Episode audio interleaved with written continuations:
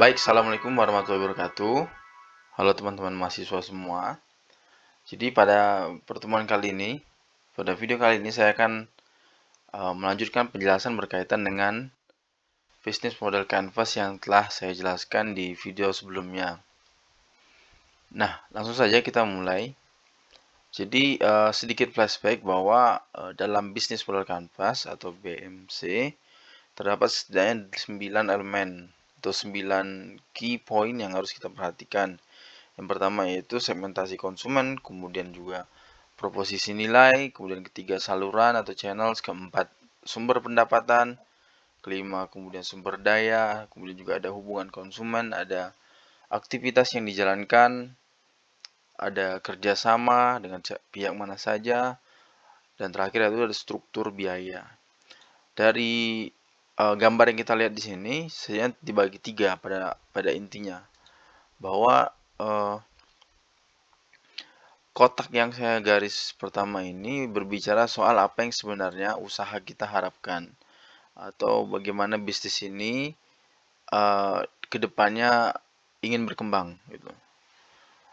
Nah kemudian adalah yang kotak kedua sini adalah apa yang kita miliki saat ini. Kira-kira model-model seperti apa atau sumber daya seperti apa saja yang sudah kita miliki.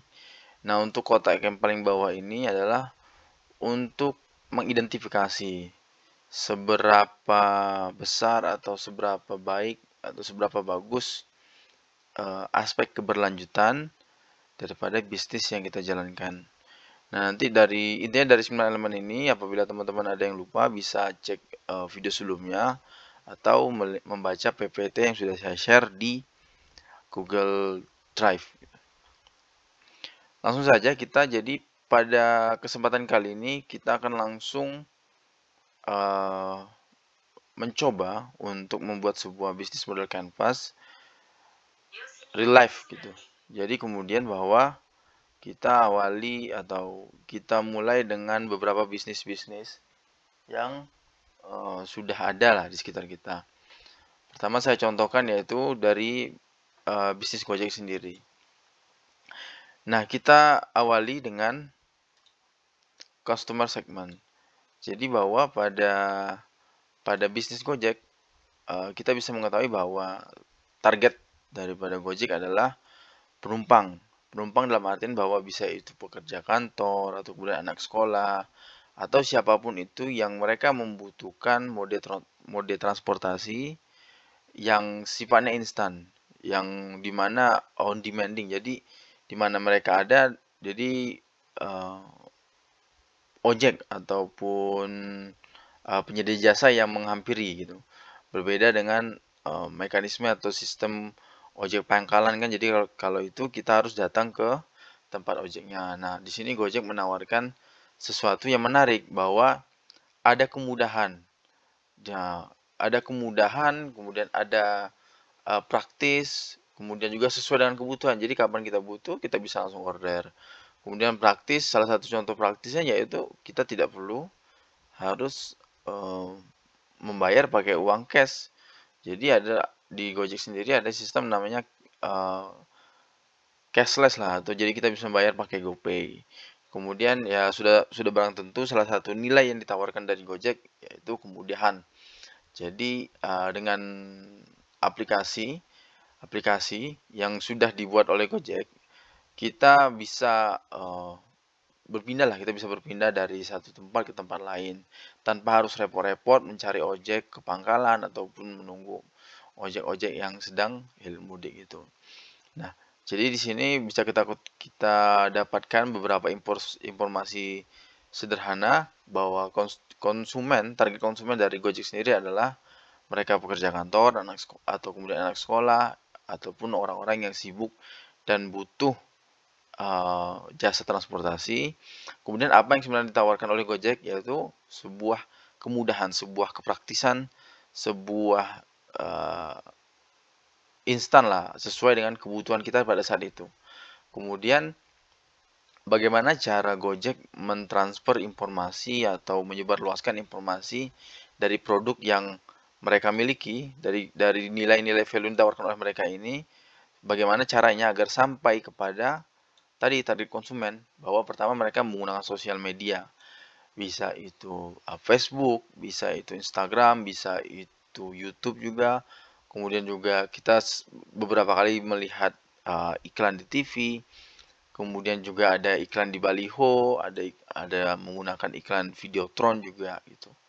Nah, bagaimana cara Gojek menjalin uh, hubungan atau kemudian maintain uh, relasi supaya para konsumen yang yang tadi yang sebelumnya uh, ditargetkan itu tetap bertahan atau tetap setia dengan Gojek yaitu dengan aplikasi.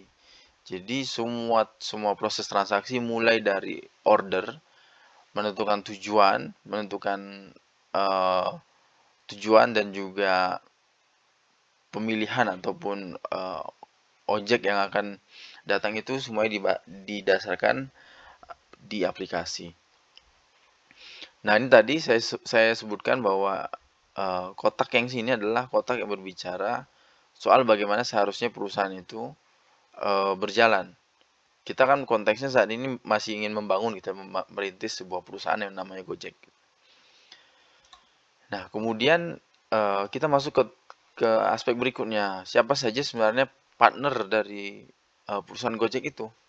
Yaitu mereka mereka mereka ya calon ojol atau dalam artian uh, para calon driver gitu. Kemudian juga bahwa yang menjadi key partner dari Gojek adalah Google sendiri karena karena Gojek membutuhkan data yang ada di Google Maps. Jadi mereka tidak harus lagi membuat atau uh, mengumpulkan uh, sebuah big data yang berbicara soal uh, peta gitulah tapi karena uh, Gojek tinggal menggunakan ataupun membayar jasa yang sudah disediakan oleh Google Maps. Kemudian uh, partner berikutnya sudah jelas yaitu bank atau dan juga otoritas jasa keuangan. Karena Gojek kan akan menerbitkan sebuah uh, uang digital lah namanya untuk mendukung kemudahan dan juga kepraktisan tadi sehingga uh, para konsumen tidak lagi harus membayar pakai uang cash. Misalkan pakai receh atau pakai apa jadi tinggal uh, menggunakan uang digital yang ada di dalam aplikasi Gojek. Nah kemudian uh, apa saja sebenarnya aktivitas-aktivitas yang akan dilaksanakan oleh bisnis Gojek ini? Pertama untuk mengawali bisnis yaitu sudah jelas membuat dan juga memaintain aplikasi Kemudian juga uh, jelas merekrut uh, para driver atau ojol yang akan menjadi partner ataupun menjadi mitra. Nah, selanjutnya apa sumber daya yang uh, dimiliki? Yaitu aplikasi yang dibuat tadi. Meskipun pada dasarnya sumber daya itu tidak terbatas di aplikasi ya sebenarnya. Jadi sebenarnya uh, para karyawan, kemudian juga kantor, juga paten itu juga menjadi salah satu bentuk uh, sumber daya. Akan tetapi yang dalam konteks bisnis yang dijalankan oleh Gojek, aplikasi aplikasi Gojek yang ada di handphone kita itu menjadi salah satu uh, sumber daya paling utama lah gitu. Nah, kemudian kita lanjut ke bawah berbicara soal uh, biaya dan juga pendapatan. Dari mana sebenarnya Gojek mendapatkan keuntungan atau pendapatan yaitu jelas dari potongan harga tarif uh, ojek itu sendiri. Jadi misalkan ketika uh, seorang konsumen tadi di sini dia membayar kepada si uh, driver ataupun ojol itu sejumlah 10.000, maka mungkin bisa jadi uh, nantinya Gojek akan memotong uh, biaya jasa. Biaya jasa yang paling sederhana bisa dibilang biaya aplikasi lah gitu. Mungkin 1.500 atau kemudian 2.000.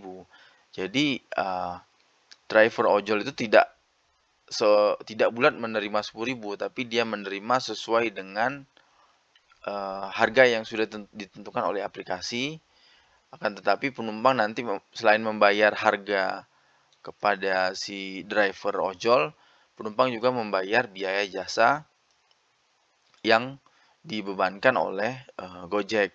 Nah, kemudian uh, semua biaya tersebut digabung lah digabung di dianggap sebagai uh, tarif gitu tarif tarif ojeknya selanjutnya yaitu yang terakhir adalah biaya-biaya uh, apa saja atau uh, kira-kira sekiranya pengeluaran apa saja yang akan uh, dibebankan di bisnis Gojek. Yang pertama jelas nanti kita akan memberikan gaji kepada karyawan karena kita perlu melakukan pengembangan atau memaintain aplika aplikasi itu supaya aplikasi tetap berjalan dengan baik, tidak error sehingga uh, konsumen tidak uh, maksudnya protes dari konsumen itu sangat bisa diminimalisir. Kemudian juga mitra kita yang tadi ojol driver itu dapat bekerja dengan baik. Ketika mereka bekerja dengan baik, tentu nanti keuntungan uh, yang kita dapatkan akan menjadi lebih maksimal. Kemudian biaya-biaya lain seperti uh, aplikasi apa iklan, kemudian juga uh, pemasaran gitu. Nah tadi itu merupakan salah satu contoh uh, bisnis model canvas yang dijalankan oleh Gojek gitu. Uh, secara sederhana seperti itu kan, tapi sebenarnya bisa dibuat lebih rumit lagi. Kayak kayak contoh target konsumen kita bisa lebih spesifik orang orangnya seperti apa, pendap uh, gaji per bulan mereka seperti apa sebenarnya yang mendapatkan yang menggunakan Gojek gitu. Kemudian target demografinya di mana, apakah di kota-kota besar atau di desa gitu. Nah, sebenarnya bisa dibuat lebih rumit, tapi untuk uh, proses pembelajaran ini kita buat lebih sederhana saja. Kemudian kita lanjut ke contoh yang kedua. Nah, ini mungkin sangat familiar untuk teman-teman yang ada di Yogyakarta, yaitu uh, bisnis model canvas kita akan menganalisis bagaimana bisnis model kanvas dari warung SS. Warung SS yaitu warung spesial sambal. Salah satu uh, penyedia mungkin penyedia produk makanan dan minuman yang cukup terkenal di Jogja gitu lah ya. Sebenarnya siapa sih uh, target konsumen mereka? Sudah barang tentu bisa kita lihat bahwa yang yang sering datang ke SS itu tentu anak-anak kos, perantauan, kemudian wisatawan dan mungkin beberapa kali eh, orang-orang asli Jogja gitu ya. Jadi uh, target konsumennya adalah eh, mereka-mereka yang jelas uh, membutuhkan makan gitu, butuh minum, lapar gitu. Tapi kalau kita buat uh, lebih spesifik mungkin anak kos, perantauan atau wisatawan. Nah, kemudian apa sebenarnya yang dijual oleh SS? SS itu sebenarnya tidak men, tidak uh, sederhananya tidak men, tidak hanya menjual makanan atau minuman. Mereka itu menjual yang namanya uh, kita bisa makan sepuasnya. Kemudian juga SS men, menjual kemurahan. Kemudian juga ada banyak sekali pilihan makanan dan makanan, pilihan menu lah, makanan minuman. Jadi itu adalah nilai-nilai yang ditawarkan oleh warung SS. Kalau berbicara soal makanan yang dijual SS sebenarnya ada banyak sekali toko-toko yang menjual uh, menu-menu serupa kayak ikan ikan bakar, ikan panggang gitu loh. Tapi di SS yang menjadi nilai tambah adalah bahwa kita bisa kita bisa mengambil nasi sepuasnya. Kemudian menu menu yang ditawarkan itu ada ada sangat banyak bahkan da, telur sendiri ada telur dadar, ada telur mata sapi dan berbagai macam gitu. Nah, jadi itu yang ditawarkan oleh SS. Jadi kita bisa bisa mengetahui bahwa value proposition adalah anak kos bisa makan sepuasnya, kemudian murah bagi anak anak kos perantauan dan juga wisatawan gitu. Kemudian bagaimana cara SS e, menyampaikan informasi tadi, informasi value proposition ini? Mereka menggunakan sosial media ya e, normatif lah seperti bisnis pada umumnya di era sekarang di era digital menggunakan sosial media seperti Instagram, Facebook, kemudian juga uh, YouTube mungkin dan juga yang jadi poin penting adalah marketing dari mulut ke mulut. Jadi ketika mungkin satu kita merasa puas dengan pelayanan yang ada di SS, dengan pilihan menu yang ada di SS, kemudian kita akan merekomendasikan uh, eh, SS ke teman-teman kita, ke saudara kita. Jadi itu uh, salah satu cara SS untuk memasarkan produk mereka. Nah, dan dan kalau tidak salah SS juga punya punya atau menyediakan jasa namanya free delivery lah. Jadi diantarkan gitu. Nah, uh, kemudian apa yang bagaimana cara SS menjamin uh, relasi dengan para konsumen setianya yaitu SS memiliki banyak cabang. Kalau di Jogja sendiri mungkin tidak terhitung cabangnya. Bahkan uh, cabang SS sendiri tidak hanya ada di Jogja, di Jakarta pun setahu saya sudah ada SS.